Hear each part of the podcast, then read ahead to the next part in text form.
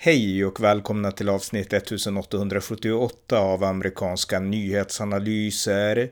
En konservativ podcast med mig, Ronny Berggren, som kan stödjas på swishnummer 070-30 28 95 0. Häromdagen kom nyheten att USAs tidigare president Donald Trump kommer att åtalas för sitt handhavande av det hemligstämplade dokument som hon tog med sig från Vita huset till sin privata bostad Mar-a-Lago i Florida. Här samtalar jag om åtalet tillsammans med journalisten Pelle Zackrisson. Varmt välkomna! Pelle Zackrisson, välkommen! Tackar! Eh, USAs tidigare president Donald Trump, han kommer att åtalas nu har det framkommit på 37 tror jag, olika åtalspunkter för att ha tagit med sig eh, hemliga dokument från Vita huset till sitt privata hem i Mar-a-Lago. Eh, vad handlar det här om? Ja, det, är, eh, det här är ju det andra åtalet som väcks. Eh, det, I april så kom det ett åtal av, om porrstjärnan Stormy Daniels och hush i till henne som väcktes i förlåt, i New York av uh, Alvin Bragg. Vi kanske kommer in på det lite senare, men det var ju alltså ett delstatsåtal. Det här är ett federalt åtal som väcks av uh, åklagaren uh, Jack Smith. Och det handlar helt enkelt... Av justitiedepartementet helt enkelt? Ja, ja han mm. har blivit utsedd, specialåklagare utsedd av justitiedepartementet. Och det handlar i, i korthet så handlar det om att Donald Trump har fått med sig då hemliga dokument till Mar-a-Lago i Florida och eh, sen har National, National Archives, eh, myndigheten, upptäckt det där och velat få tillbaka de här eh, dokumenten och sen har det varit då, ja det var det olika, olika turer om det där. Det blev bland annat då en uppmärksammad razzia mot Mar-a-Lago. Ungefär där är vi nu. Mm. Och eh, Donald Trump, han har ju sagt att eh, ja, han kommer att fortsätta sin presidentkampanj och han kommer inte acceptera det här. Det är en häxjakt har han sagt och han har mer specifikt sagt, han gjorde en jämförelse mellan eh, den stalinistiska taktiken i Stalins Ryssland och det som nu sker och eh, många konservativa har gått ut och liksom verkligen ställt sig på Trumps sida här. Mm. Eh, ja, hur, hur mer går debatten kring det här? Ja, jag tycker att det finns en ganska eh, en stor skillnad ändå då, jämfört med eh, Alvin Bragg-åtalet där, där alla republikaner från, eh, alltså från de högerkonservativa ända till det som Trump brukar kalla för rhinos, Republicans in name only, Mitt Romney gick ut och fördömde åtalet, sa att det här är ju bara det är ett pajasåtal, det är ju hittepå, det är ju trams. Så att då avfärdades åtalet och, och det är ju ett åtal som alla experter som man som har någon form av trovärdighet säger det där, är, det där kommer ingenstans liksom.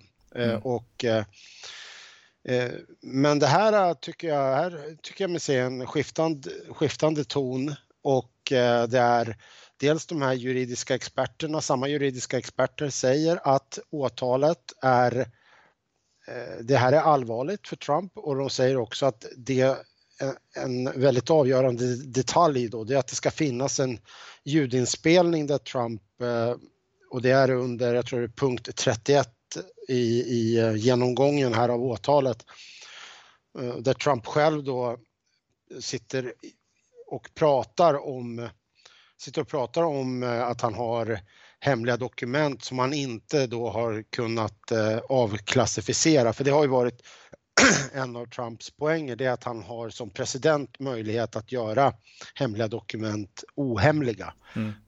Men då säger han i den här utskriften att eh, ja, det, i princip så säger han att det kan han inte göra längre. Mm.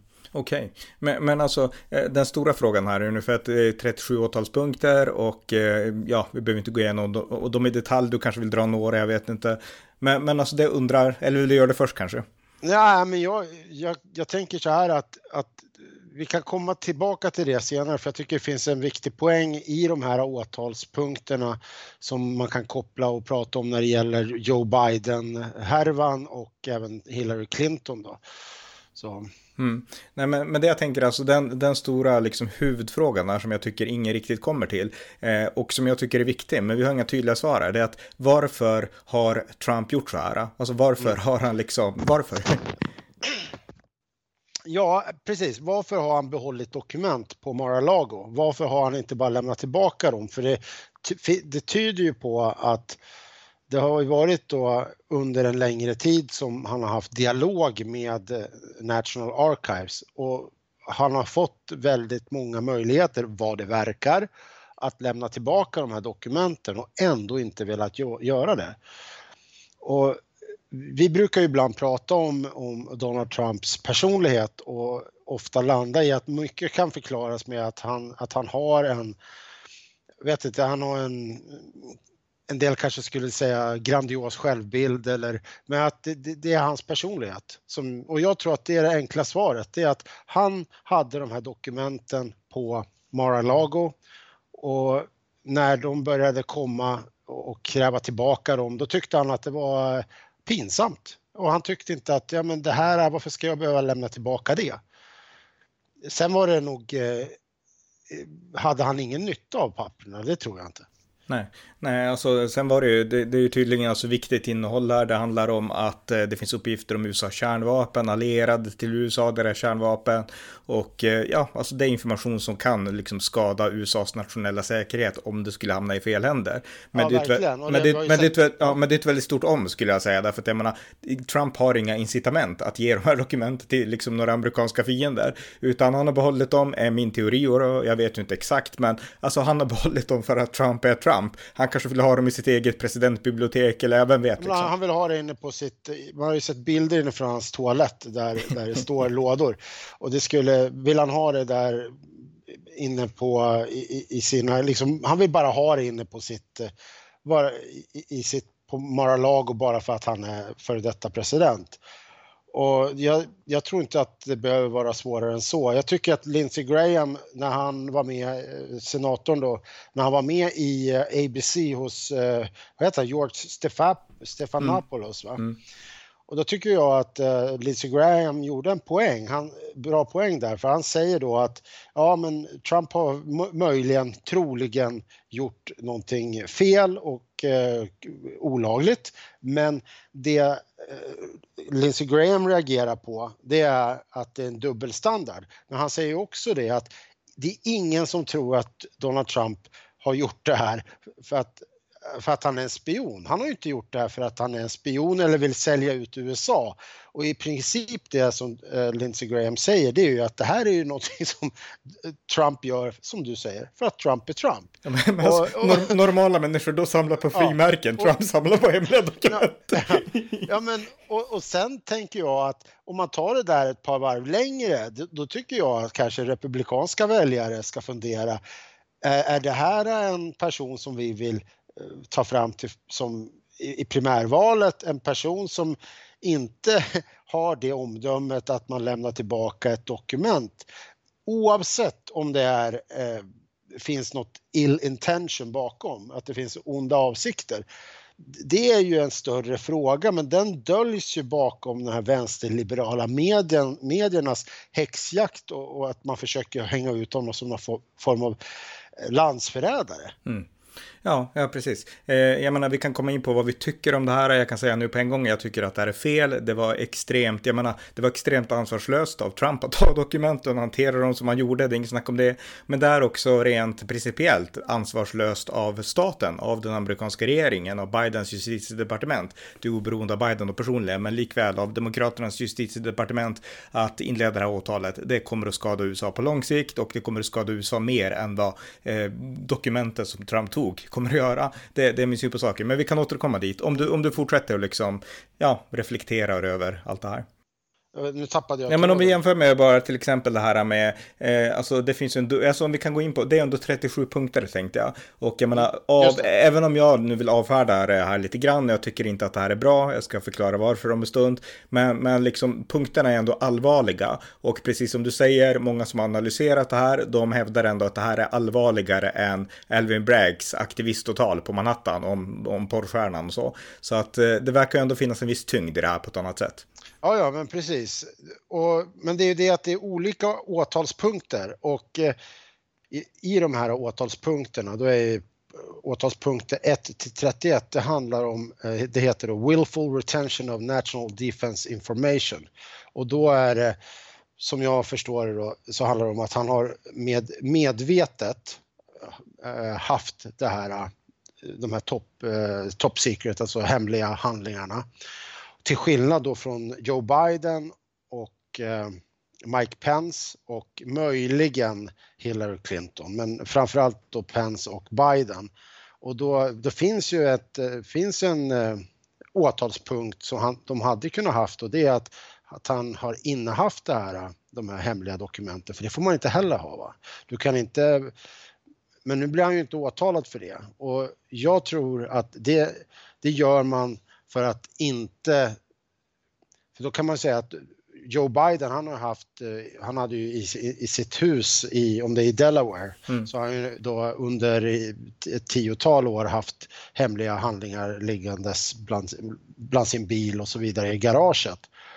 Men för att inte behöva ta upp det här och liksom väcka åtal mot Biden, då tänker jag att då har man den här mer skarpare åtalspunkten då. Att han har gjort det medvetet. Och eh, sen har du då åtalspunkt 32, det är att han har konspirerat för att eh, förhindra rättvisan, conspiracy to obstruct justice och det handlar ju om att han har hållit på och eh, försökt få sin försvarsadvokat och ja, han har helt enkelt försökt förhindra och, manipulera utredningen. Mm, just det.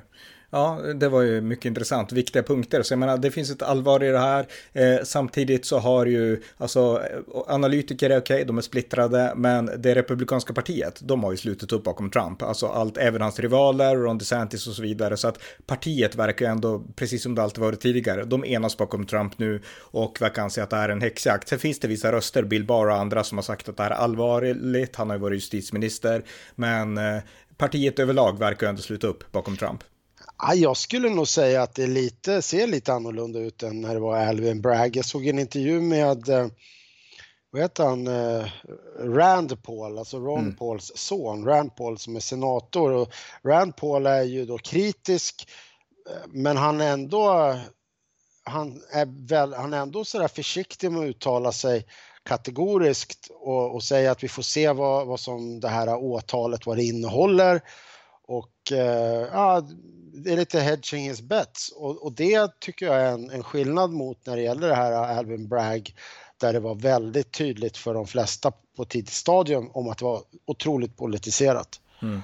Eh, Trump kan ju få, ja men absolut, det finns fler röster som är numera alltså inne på att det här kanske är rätt ändå, det här åtalet. Eh, det finns ju också, eh, alltså de som menar att Trump, hamnar han i fängelse så kommer han att dö i fängelse för han är så gammal liksom. Eh, så att eh, Ja. ja nej, jag, så här, jag, han kommer aldrig och han kommer inte hamna i fängelse. För att det, om han blir dömd så kommer nuvarande president eller nästa president att, att benåda honom eller ge någon form av eh, clemency, sänka straffet. För att det finns inget, det man vill göra det är ju att eh, kastrera Trump. Man vill inte man vill inte sätta honom i fängelse. Det finns ju naturligtvis vänster, långt, vänsterextremister som vill sätta Trump i fängelse men, men här handlar det om att försöka kastrera Trump och, och göra honom eh, o, liksom, göra honom impotent helt enkelt. Mm. Eh, ja, och han, men, han kandiderar till president, jag menar skulle, nej precis, exakt. Så att, och det är så han framställer saken också, att det här är en häxjakt mot mig och det handlar bara om att sabotera för mig liksom. Så att, men det ligger till så här, Trump kommer förmodligen att åtalas. Imorgon i Miami så kommer det här eh, en domare som är, eh, ja, som är bekant med Trump och ganska Trump-vänlig ska sägas. Ut, utsedd av Trump till och med utsedd av Trump, exakt. Hon ja. kommer att, en kvinna, hon kommer att, eh, ja, lägga fram de här åtalspunkterna. Hon har ganska mycket makt att forma hur det här åtalet ska se ut. Så att är man Trump-anhängare så kan man hoppas att hon på något sätt gynnar Trump i den här processen. Men det kommer att ske imorgon, då kommer det att bli officiellt och det väntas demonstranter där och så vidare. Så att imorgon kommer ju de här stora nyheterna. Men bara för att avrunda då, alltså jag tycker så här att allvaret, absolut, det kan man diskutera. Det är förmodligen precis lika allvarligt som det framläggs. Men det skulle finnas ett eh, självbevarande syfte för justitiedepartementet att inte gå så här långt. Och det är helt enkelt som Abraham Lincoln sa, eh, a house, a eh, house divided cannot stand. Alltså om man har de här eviga krigen mellan olika partier och mellan en tidigare president och liksom i viss mån en nuvarande president. Eh, en nation som är så kan inte helas, utan då är det, ett, alltså det, är en, det är en nation på väg mot inbördeskrig. Så jag menar, man kan tycka vad man vill om det Trump har gjort. Det man då skulle ha kunnat gjort, vilket gjordes, det var att man hade kunnat skicka dit ett SWAT-team, ta dokumenten och säga att det här var riktigt korkat av dig Trump, liksom nu kommer du aldrig få göra det här igen och blåsa upp det i media och liksom visa inför media och inför allmänheten att här har vi en ansvarslös person, rösta inte på honom. Eh, och så nöja sig med det på grund av att Trump var topppersonen, han var president och att göra så här mot inte den högsta, liksom, högsta tuppen i ligan, förutom Joe Biden nu. Det är helt enkelt, det är självdestruktivt. Och den här diskussionen, liksom, där man menar att men alla, ingen kan undgå rättvisan. Alltså, när det kommer till det yttersta så måste det finnas någon som alltid står på toppen. Och det är det jag tycker man missar i den här dis diskussionen. Så att jag, jag anser att det här var dumt. Alltså det här åtalet borde inte ha väckts. Däremot så verkar det utifrån innehållet ha varit helt rätt att man tog ifrån Trump de här dokumenten. Men jag är emot åtalet och jag anser att det här är, eh, ja, jag skulle säga att det är en häxjakt. Mm. Jag skulle väl lägga det på, vända lite grann på det och säga att om att problemet är att man historiskt sett inte har agerat på, på samma sätt Clinton-historien där med e-mailen och, och de här att hon hade på, om det var på en Gmail-server, att hon hade hemliga dokument och, och sen att hon hade anställda som smashade Blackberry-telefoner och mm. att det var, man hällde syra och sådär och obstruerade och höll på. Att, att hon inte hamnade på, blev åtalad Ja, och då, och då, fanns det ju någon form av eh, andemening där, att man gjorde det för landets bästa. Mm. Och, men och men, men, det, men det fanns ju en som ville få henne i fängelse och det var Donald Trump. Lock her up. ja, precis. Men han, de fick ju honom att inte göra det. Mm. Han backade ju undan från det, men han, det är ju faktiskt, märk väl, han, han sa det liksom att lock her up. Och, så att han, på sätt och vis så kan man väl anklaga Trump för att hyckla lite grann då, men, men han, han åklagade, han såg ju inte till att få henne inlåst. Så att eh, det, men min poäng är att eftersom att man, man, om man tittar historiskt hur det har hanterats och så sen ser man hur det helt plötsligt då är, man drar liksom åt eh, livremmen och skärper eh, det här juridiska gentemot Trump, då är det lätt att man, då är det lätt för amerikanska högerväljare att uppfatta det som att det, att systemet är riggat. Och det är det här som är, det här är ju ett jättestort problem och det här riskerar att bli ett demokratiskt problem i USA. Mm. Att halva befolkningen uppfattar rättssystemet som riggat åt demokraterna. Mm, och då är man ju inne i ett inbördeskrig. För skulle Trump vinna, skulle han bli president igen och ja. republikanerna ta över båda kamrar, då kommer de att göra samma sak och då har vi ett inbördeskrig. Så att jag menar,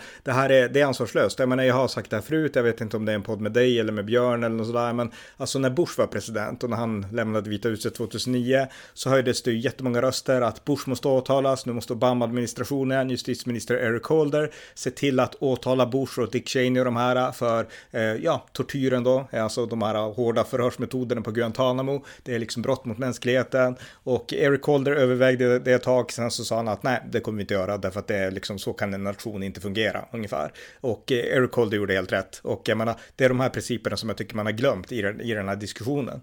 Ja, och en aspekt på det här det är ju att man man försvagar ju USA internationellt gentemot eh, kommunist-Kina. Mm. Och i ett läge där USA verkligen behöver vara starka mot en yttre fiende så riskerar man den här inre söndringen och det är ju jättefarligt. Mm. Inte bara för USA utan för hela världen naturligtvis. Men, men att man öppnar sig på det sättet för kortsiktiga politiska vinster, det visar ju någonstans hur liksom folket kring kring Biden eller ja, vilka det nu är som trycker på för att det här ska drivas igenom på justitiedepartementet.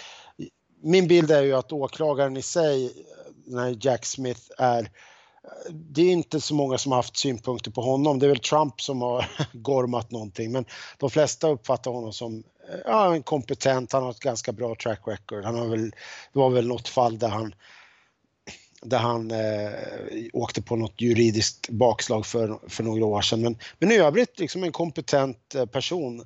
Men eh, däremot justitiedepartementet eh, under, under Attorney General, eh, Garland, mm. det, det är ju eh, från republikanskt håll så är man ju stenhård och menar med att där är det oerhört politiserat. Mm.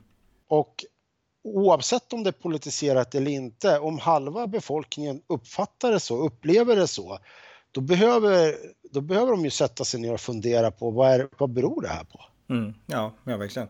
Eh, ja, vi får säga att Trump har sagt att han kommer inte ge upp och han har inte backat en millimeter egentligen. Så Trump kommer ju fightas vidare. Och eh, vi får se hur det påverkar. Alltså jag har inget emot eh, om det här skulle påverka hans chanser att vinna valet. Alltså att republikaner tänker att det här är inte en ansvarsfull person. Vi röstar hellre på Ron DeSantis. Det har jag ingenting emot. Det är en, det är en bild jag delar också. Men däremot att driva på det här så på det sätt som det görs. Det är inte bra. Det är inte bra för USA och i långa loppet inte för den fria västerländska världen. Så att det är väl det som är min syn på det här. Så att ja, vi får väl återkomma kanske imorgon eller framöver med mer om det här.